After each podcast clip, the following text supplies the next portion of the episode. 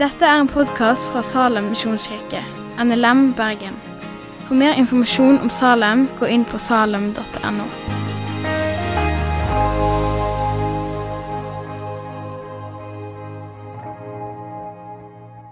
Gud, takk for uh, ditt ord til oss, og takk for Åshild som uh, ja, stiller seg uh, til tjeneste for deg og for oss i dag.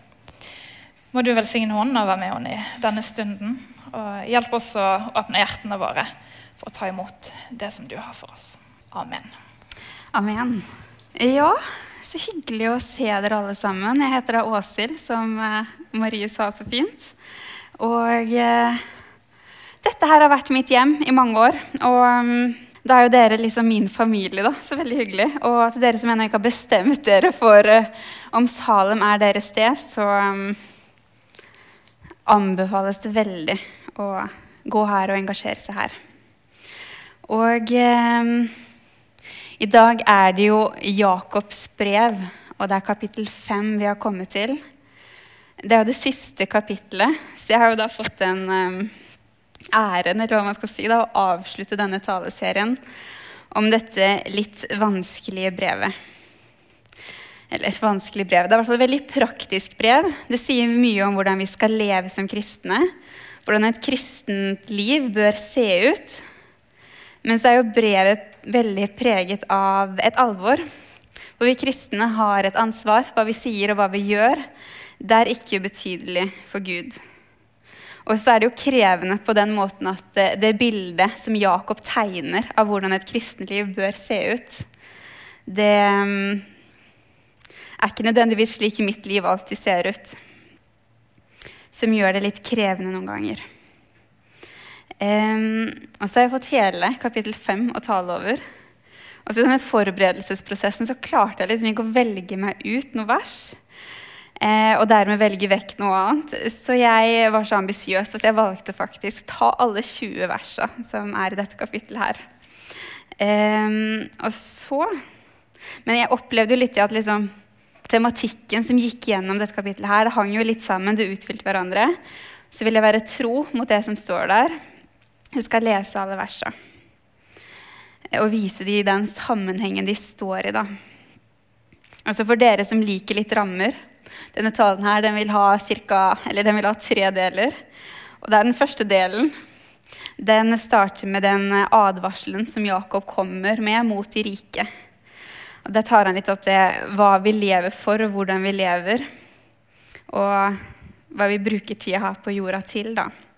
Mens andre del den handler mer om å leve med et evighetsperspektiv. Beveger den her av seg selv? Ja, kanskje. Um, mens, ja, mer et evighetsperspektiv, og om vi lever med en tanke på det som en gang skal komme. Mens den tredje delen så har vi jo dette evighetsperspektivet. Vi venter på Herren, og hvordan skal vi så vente? Og Her blir fokuset mer på um, bønn og fellesskap. Og så For å gi et sånn litt raskt sammendrag av kapittelet og vise litt av grunntonen i brevet så langt Kanskje alle ikke har vært her de siste, de siste helgene og hørt på de tidligere talene. Mens i første kapittel kan vi lese litt om og Der står det Se det bare som en glede, søsken, når dere møter alle slags prøvelser. For dere vet at når troen blir prøvet, så skaper det utholdenhet. Og I kapittel to kan vi lese om at vi som kristne vi skal ikke gjøre forskjell på folk.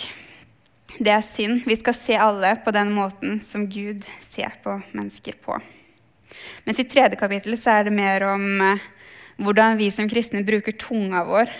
Og det står, Men tungen makter ikke noe menneske å temme. Skiftende og ond som den er, full av dødbringende gift.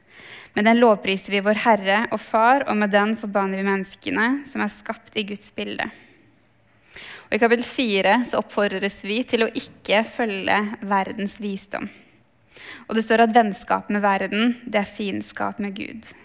Og den som vil være verdens venn, det blir Guds fiende. Så disse fire første kapitlene de er litt selvransakende.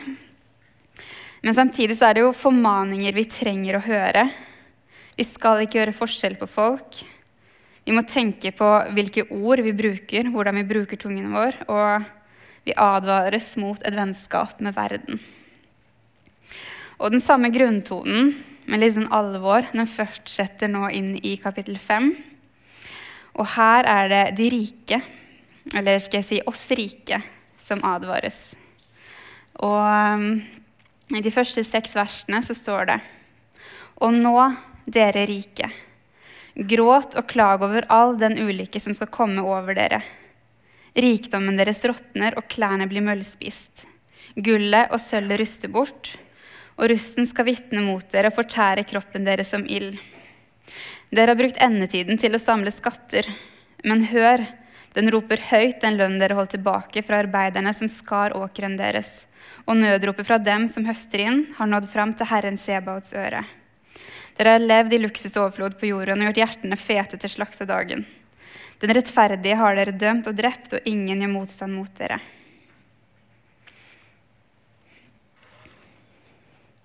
Og så vil det jo alltid være en person som er rikere. Men i verdenssammenheng så er vi jo alle, alle her i Norge. Vi er jo absolutt blant de rikeste i verden. Også I Bibelen så er det jo flere advarsler mot de rike. I Lukas evangeliet så sier Jesus i kapittel 18 hvor vanskelig det er for dem som eier mye, å komme inn i Guds rike. Det er lettere for en kamel å gå gjennom et nåløye enn det er for en rik å komme inn i Guds rike. Og responsen til de som hørte på, var jo da ja, Hvem kan da bli frelst? Og heldigvis så var jo Jesus svar det som er umulig for mennesker, det er mulig for Gud. Så det er mulig for Gud. Og det er, det er ikke nødvendigvis, det er ikke noen motsetning mellom det å være rik og det å være kristen. Men det er kanskje vanskeligere, og det er noen fallgruver en bør være obs på. For penger det blir jo sett på som en trygghet. Vi snakker jo om økonomisk trygghet. Men hviler du for mye på og legger for mye å være økonomisk trygg, kanskje er man da litt vanskeligere for å stole på Gud. Og Jesus sier også i Lukas evangeliet kapittel 12, så sier han, for hvor skatten deres er, der vil også hjertet deres være. Jakob han sa at rikdommen deres råtner, klærne blir møllspist, gull og sølv ruster bort. At dere har brukt endetiden til å samle skatter. Så han advarer oss mot å samle skatter her på jorda. Og vi vet jo egentlig alle veldig godt at det, det vi eier her på jorda, vi får jo ikke ta det med oss etter døden. Du kan godt ha det med i kisten din, men det vil jo bare ligge der og råtne, eventuelt bli rustent. Jakob han tenkte og han levde som at Jesus skulle komme igjen. Han trodde det virkelig. Um, og Jesus han skal komme igjen, men vi vet jo ikke når det skjer. Det vet ingen. Også det å samle skatter på jorda. Det kan jo sammenlignes litt med at hvis du er på Titanic etter å ha truffet dette isfjellet på vei til å synke Alle andre de løper mot eh, livbåtene. De skal, de skal redde livet sitt. Mens denne personen her vil eh, løpe rundt i lugarene for å samle seg skatter, verdifulle gjenstander. Og det er jo lett å, det er lett å se hvor dumt det er. For hva skal du med denne rikdommen? her? Hva skal du med dette gullet hvis du drukner i løpet av noen timer? Det gir jo ikke mening. Og rikdom og materielle ting det er jo forgjengelig. Det kan råtne, bli møllspist, ruste bort. Det kan altså være borte i morgen. Og Videre forteller også Jesus en lignelse. Og det står Eller han sier Det var en rik mann som hadde fått god avling av jorda, og han tenkte med seg selv Hva skal jeg gjøre? Jeg har ikke plass til all avlingen min. Jo, dette vil jeg gjøre. Jeg river ned låvene, og jeg bygger dem større. Og der samler jeg kornet og alt jeg ellers eier. Så skal jeg si til meg selv nå har du mye godt liggende, nok for mange år. Slå deg til ro, min sjel, spis, drikk og vær glad. Men Gud sa til ham, uforstandig menneske, i natt kreves din sjel tilbake. Hvem skal så ha det du har samla? Slik går det med den som samler skatter til seg selv og ikke er rik i Gud. Så på samme måte som at rikdommen er forgjengelig, så er jo livet her på jorda også forgjengelig. Det er ikke for alltid. Og ingen veit jo hvor, eh, hva livet bringer, eller hvor langt det er, hvordan det vil bli. Og Derfor er det så viktig at eh, hva man lever for, den tiden man lever, for det har konsekvenser. Jeg kan jo bli påkjørt i morgen. Alvorlig sykdom finnes. Det er jo, det er jo egentlig ved Guds nåde at jeg fortsatt står her og fortsatt lever. Og når Jakob skriver 'dere rike', så kan det også bety dere med status, dere med kunnskap. Og Kanskje føler noen seg mer truffet av dette. Det er kanskje ikke penger og materielle ting som driver deg, men kanskje er det heller status og kunnskap. Og kanskje bruker du ikke tida her på jorda til å samle skatter, men å jobbe. At jobben er det viktigste. Så rikdom, status, kunnskap, jobb Og viktigst for deg. Og er disse tingene viktigere for deg enn Gud? Har det blitt viktigere enn familie, venner og de neste? Og vi skal ikke leve i frykt for at eh, Jesus kommer igjen i morgen. Men vi skal leve med en visshet om at eh, det jordiske livet, da, livet her på jorda, det er for en begrenset periode. Det er snakk om et evighetsperspektiv. Og så tror jeg det er viktig iblant, absolutt ikke hele tiden, eh, å stoppe opp og tenke over hvordan en lever livet, og hvordan en bruker tida. Stille seg spørsmålet hva er viktigst for meg? Er det Gud? Og lever jeg slik? Og så er det veldig lett å bli oppslukt i livet her og nå. At liksom hverdagen, den tar en. Det er bare tida flyr, og uten at en egentlig klarer å styre helt kalenderen sin selv. Og så er det jo én ting, da. At jeg har ikke lyst til å jobbe vekk 20-åra mine. Og jeg vil ikke nedprioritere viktige relasjoner slik at jeg mister dem. Men det jeg enda mindre vil, det er at jeg om noen år ser tilbake og så ser jeg at jeg mista Gud, mista sikte på Han oppi det hele. Så nå har jeg fått videreformidla disse her litt uh, Disse formaningene Jakob har til de rike. Uh, og forhåpentligvis hvordan uh, det i et evighetsperspektiv gir lite mening å samle skatter her på jorda. Altså Del to den vil handle mer om dette evighetsperspektivet. Hvordan skal vi forholde oss til det her på jorda? Hvordan skal vi vente tålmodig på Herren? Videre i Jakobs brev så står det Vær da tålmodige søsken til Herren kommer. En bonde må vente på jordens dyrebare grøde og være tålmodig til både høstregnet og vårregnet har falt. Også dere må være tålmodige og gjøre hjertene sterke, for Herren kommer snart. Kom ikke med klager mot hverandre, søsken, for at dere ikke skal bli dømt. Se, dommeren står for døren. Ta, profetene til forbilde, søsken, de som talte i Herrens navn. De holdt tålmodig ut når de måtte lide vondt. Ja, den som holder ut, priser vi salige. Dere har hørt hvordan Jobb holdt ut, og har sett hvordan Herren lot ende. For Herren er rik på medlidenhet og barmhjertighet. Og framfor alt må dere ikke sverge mine søsken, verken ved himmelen eller ved jorden, eller ved noe annet. La et ja være et ja, og et nei være et nei, så ikke dommen skal ramme dere. Så Jakob han spesifiserer dette her at eh, Jesus han skal komme igjen. Så ber han oss vente tålmodig. Eh, og Blant mottakerne av dette brevet her, så var det jo mange blant de første kristne. Og mange av de ble jo undertrykt. Det var, eh, de, bodde, de ble undertrykt blant jødene de bodde iblant. Og mange av de kristne de opplevde forfølgelse og blitt fratatt eiendom og det de eide. Og Opp gjennom historien så har jo kristne opplevd mye urett og forfølgelse. Og også i dag så skjer det jo forfølgelse i verden. Det er jo steder der det rett og slett er farlig å være kristen. Der det ikke er lov å samle slik som vi gjør i dag. Også i vår kant av verden så har vi sluppet litt billigere unna. Men det er jo absolutt eksempler fra Norge også. Kristne som blir mobba, utenforskap. Man blir kanskje ikke invitert med så er det jo fordommer. Eh, også i 2019 så kom det ut en avhandling fra UiO der de fant ut at eh, hvis CV-en din viser at du hadde en kristen bakgrunn, så ble du litt diskriminert i arbeidsmarkedet.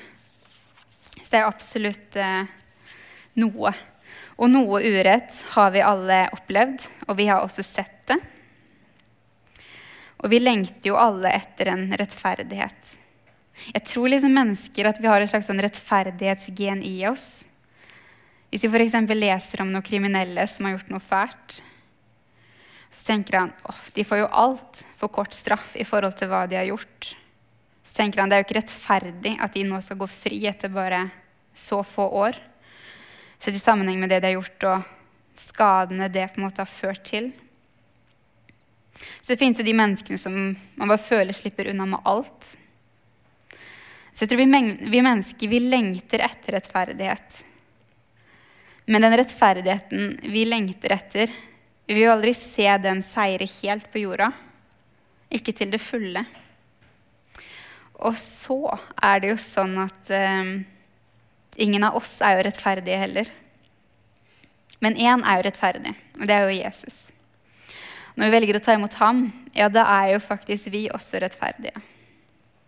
Det står i romerbrevet så står det, vi skal bli regnet som rettferdige når vi tror på Ham som reiste Jesus, vår Herre, opp fra de døde. Han som ble overgitt til døden for våre synder og oppreist for at vi skulle bli rettferdige. Så står det også for Hvis du med din munn bekjenner at Jesus er Herre, og i ditt hjerte tror at Gud har oppreist ham fra de døde, da skal du bli frelst. Så Jakob han sier at vi må vente tålmodig på Herren så skal vi få vente på den rettferdigheten som en gang skal skje. Og vi kan stole på at en dag så skal eh, rett og galt bli dømt. Så kan vi vente på da en rettferdighet uten å trenge å ta igjen selv. Og dette her er jo litt annerledes enn verden. Og kanskje er det et lite vitnesbyrd, og kanskje gir det en mulighet til å dele, evangeliet. Og så er det dette her med endetid, da at Herren en gang skal komme igjen. Noen får jo litt sånn å, blir sånn redde for sånne kuldegysninger når de hører dette her. Men det er egentlig ikke dårlig nytt, ikke for kristne. Og I Feserbrevet så kaller Paulus også for frihetens dag. Og det gir jo litt mer positive assosiasjoner. Så nå er det den tredje og siste delen av talen. Vi har snakka om eh, hvordan livet her på jorda det er forgjengelig. Rikdom, materielle ting, det er forgjengelig. Og vi skal forvente tålmodig på Herren. En dag så skal eh, rettferdigheten seire. Og den delen her det handler litt om hvordan vi skal vente. For det er, kanskje er det hele livet vårt. Det er jo lenge å vente det. Og hvordan, eh, hvordan sitter vi og venter? Skal vi bare sitte, skal vi sitte bare og vente, eller men, eh, eller er det litt aktiv venting? Så skal jeg snakke litt om hvordan bønn og fellesskap er viktige elementer her. Og så sitter det kanskje folk her i salen som har vært til stede de siste fire helgene og hørt liksom disse, disse, fire tidligere kapitlene og hørt disse formaningene. Hvordan, hvordan et kristenliv bør og skal være. Og det er jo et veldig praktisk brev. Vis meg din tro uten gjerning, så vil jeg ut fra gjerningene vise deg min tro.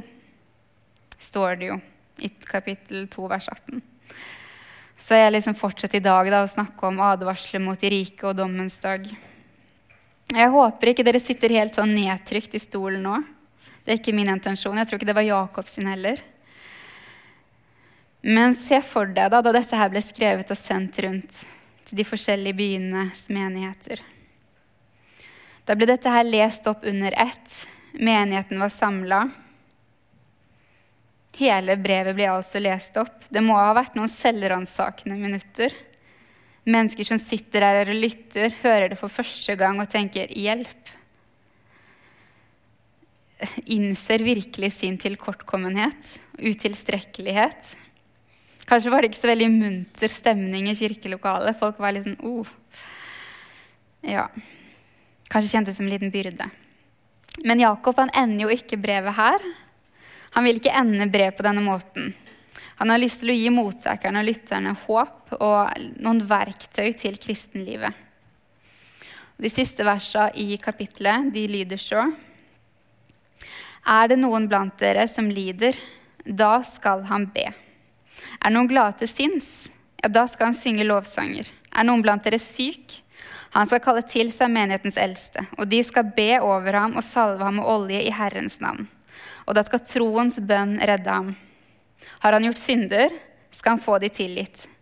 Bekjenn da syndene for hverandre og be for hverandre, så dere kan bli helbredet. Et rettferdig menneskes bønn er virksom og utretter mye. Elia var et menneske under samme kår som vi. Han ba inderlig om at det ikke måtte regne, og i tre år og seks måneder falt det ikke regn på jorda. Så ba han på ny, og da ga himmelen regn, og jorden bar igjen grøde. Mine søsken, dersom en av dere forviller seg bort fra sannheten, og en annen får ham til å vende om, så skal dere vite. Den som får en synder til å vende om fra sine ville veier, berger sjelen hans fra døden og skjuler en mengde synder. Så Jakob han har sagt vi skal vente tålmodig på Herren. Og jeg tenker det er umiddelbart ok, hvordan skal jeg bare vente? Og vi som, eller hvis noen liker å vente litt aktivt, så får jo vi et verktøy av Jakob her, da, nemlig bønn. Og jeg tror bønn kanskje den reneste formen for aktiv venting. Og kanskje den reneste bønnen vi kan be, det er å be om at Guds vilje skal skje, og be om hjelp til å klare de prøvelsene vi møter. Og Det som også er en del av bønnens natur, det er at du tar en pause fra verden. Du ber om hjelp til å Du tar en pause fra å prøve å løse problemene selv.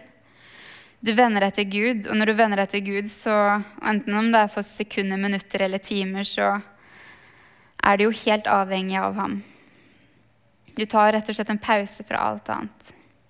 Og han skriver, er det noen blant dere som lider? Ja, da skal han be. Og vi vil jo alle en eller annen gang, og har allerede gjort det, møtt en eller annen, gang, møtt en eller annen slags motgang eller prøvelse. Og da skal vi be, sier Jakob. Vi skal først be og legge det i Guds hender. Og deretter skal vi kanskje prøve å løse problemene selv. Men da får vi kanskje hjelp til å komme gjennom denne motgangen. Stå i konflikten, holde ut. Men vi har først lagt det i Guds hender. Kanskje kommer vi gjennom det med ekstra kraft. Kanskje kommer vi gjennom det båret av Gud. Og noen prøvelser er jo, i hvert fall i menneskers øyne, helt meningsløse. Da kan det jo være fint hvis du har vent deg til Gud. Kanskje får du en sterkere følelse av at du får kjent, virkelig kjent på Guds nærhet, at han er med. Så står det noen glad til sinns. Da skal han synge lovsanger. Det kan vi også gjøre sammen. Husker du å vende deg til Gud når du er lykkelig? Og hvilken del tar mest plass i bønnelivet ditt? Er det takkedelen, eller er det forbønns- og hjelp meg-delen? Så lærer Jakob oss her at bønn det skal ikke være noe sporadisk. Det skal heller være noe konsekvent. Vi skal alltid vende oss til Gud. Og det er den viktigste og riktigste responsen på livet vårt. Enten det er motgang eller om det er glede, så er det til Gud vi skal vende oss. Mens vi venter tålmodig på Herren så står det videre Er noen blant dere syk? Han skal kalle til seg menighetens eldste. De skal be over ham og salve ham med olje i Herrens navn. Og da skal troens bønn redde ham. Og har han gjort synder, skal han få dem tilgitt. Bekjenn da syndene for hverandre og be for hverandre, så dere kan bli helbreda. Og kristenlivet det er også fellesskap. Det er menighet. Og jeg husker da jeg gikk på bibelskole, så ble det sagt at eh, kristen tro uten tilhørighet til et fellesskap, det finner du ikke i Bibelen. Og i menighet så tilbys det jo, som det nevnes her, f.eks. salving av syke, skriftemål, sjelesorg. Og vi skal be for hverandre, står det. Og hverandre er jo da et veldig sentralt ord. Kristenlivet, det leves sammen. Vi kan lovsynge våre lovsanger sammen, og vi kan rope våre klagesanger, klagesanger sammen. Og så nevnes det jo helbredelse. Og disse versene de må ikke misbrukes der en sier at noen har for liten tro dersom de ikke blir friske. For selv den minste troen på en stor Gud, den er stor nok. Så den aller minste troen på en stor Gud, den er absolutt mer enn stor nok. Det er fordi Gud, han er stor nok. Bare vi kommer til han med vår nød. Og så er det, det har seg sånn at ikke alle blir friske. I hvert fall ikke med en gang. Mm, og i min bibel så står det 'redde den syke'. I andre oversettelser står det 'hjelpe den syke'. Så alle blir jo ikke friske, men Gud vil likevel hjelpe den syke. Kanskje hjelp til å få båret sykdommen sin. Det er jo også et under, det. Klare å stå i det og holde ut. Og redde den syke. Den som tror, er jo likevel redda fra fortapelsen. Og det er jo i seg selv et veldig stort under. Så står det videre. Et rettferdig menneskespenn er virksom og utretter mye. Elia var et menneske under samme kår som vi. Han ba inderlig om at det ikke måtte regne, og i tre år og seks måneder så falt det ikke regn på jorda. Så ba han på ny, og da ga himmelen regn, og jorden bar igjen grøde. Så altså et rettferdig menneskesbønn er virksomt og utretter mye. Og poenget er, er jo at bønn det er viktig. Og Gud svarer på bønner, og derfor skal vi gjøre bønn til en prioritet. Og Vi trenger ikke å være superkristne for å be. Og vet du ikke hva du skal be, så kan du be Fader vår. Du kan uh, åpne Salmes bok, eller du kan be lovsanger. Og så er det jo også et poeng at den som ber, er rettferdig. At man har bekjent syndene sine for Gud. Og så står det ett rettferdig menneskesbønn. Så du må ha tro til at ditt eget bønneliv, når du ber aleine for deg selv, så har det betydning. Men bønnefellesskap er jo kjempebra, enten om det er i hjemmet, med de du bor med, i smågruppa eller på bønnemøtene her. Men ditt eget bønneliv, det som skjer bare mellom deg og Gud, det er også veldig, veldig viktig. Så våg å be med forventning. Så står det jo om Elia, da. Og det står at han var et menneske under samme kår som vi. Så vi trenger ikke å være superkristne. Og det er lett å se på Elias som en slags superhelgen. Men det står at han var et vanlig menneske, og Gud svarte på bønnen hans. Så vi kan jo også be slike bønner. Og til slutt så står det jo mine søsken. Dersom en av dere forviller dere bort fra sannheten, og en annen får ham til å vende om, så skal dere vite. Den som får en synder til å vende om fra sine ville veier, berger sjelen hans fra døden og skjuler en mengde synder. Og som jeg har sagt, så er kristenlivet fellesskap. Vi må ha omsorg for hverandre, vi som er her samla. Men også de som har gått her, men som nå har forsvunnet litt ut. Vi kan redde sjeler, står det. Og Jakob har jo brukt mye store deler av brevet sitt på å formane. Men han tegner jo her et håp om omvendelse. Så hvis noen har forsvunnet ut av fellesskapet, og det er lenge siden du har sett dem, mange år, ikke gi dem opp. Jakob han gjør ikke det. Så står det til slutt 'skjuler en mengde synder'. Hvis vi leser fra Salme 32, vers 1-2, så står det Salig er den som har fått sine overtredelser tilgitt og sine synder skjult. Salig er det mennesket som Herren ikke tilregner skyld. Så Gud han vil skjule den skyld, den synd som vi ikke lenger skjuler for ham. Men den overgir til ham, den vil han skjule. Så salig er vi når vi kommer til Gud med våre synder slik at vi blir tilgitt og rettferdig.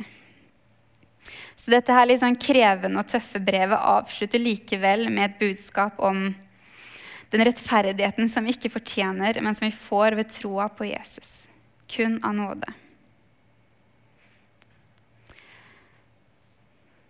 Så Gud han skjuler den synden som vi selv ikke lenger skjuler, men overgir til Han. Så dette her, det er altså kapittel 5 i Jakobs brev. Det er et kapittel som eh, med alvor stiller spørsmålet hva er det viktigste i livet ditt? Er det penger, status og jobb, eller er det Gud? Så forteller det oss at det verdslige og, livet selv, det er forgjengelig. Og derfor så må vi leve med et evighetsperspektiv. Og så skal vi vente tålmodig på Herren.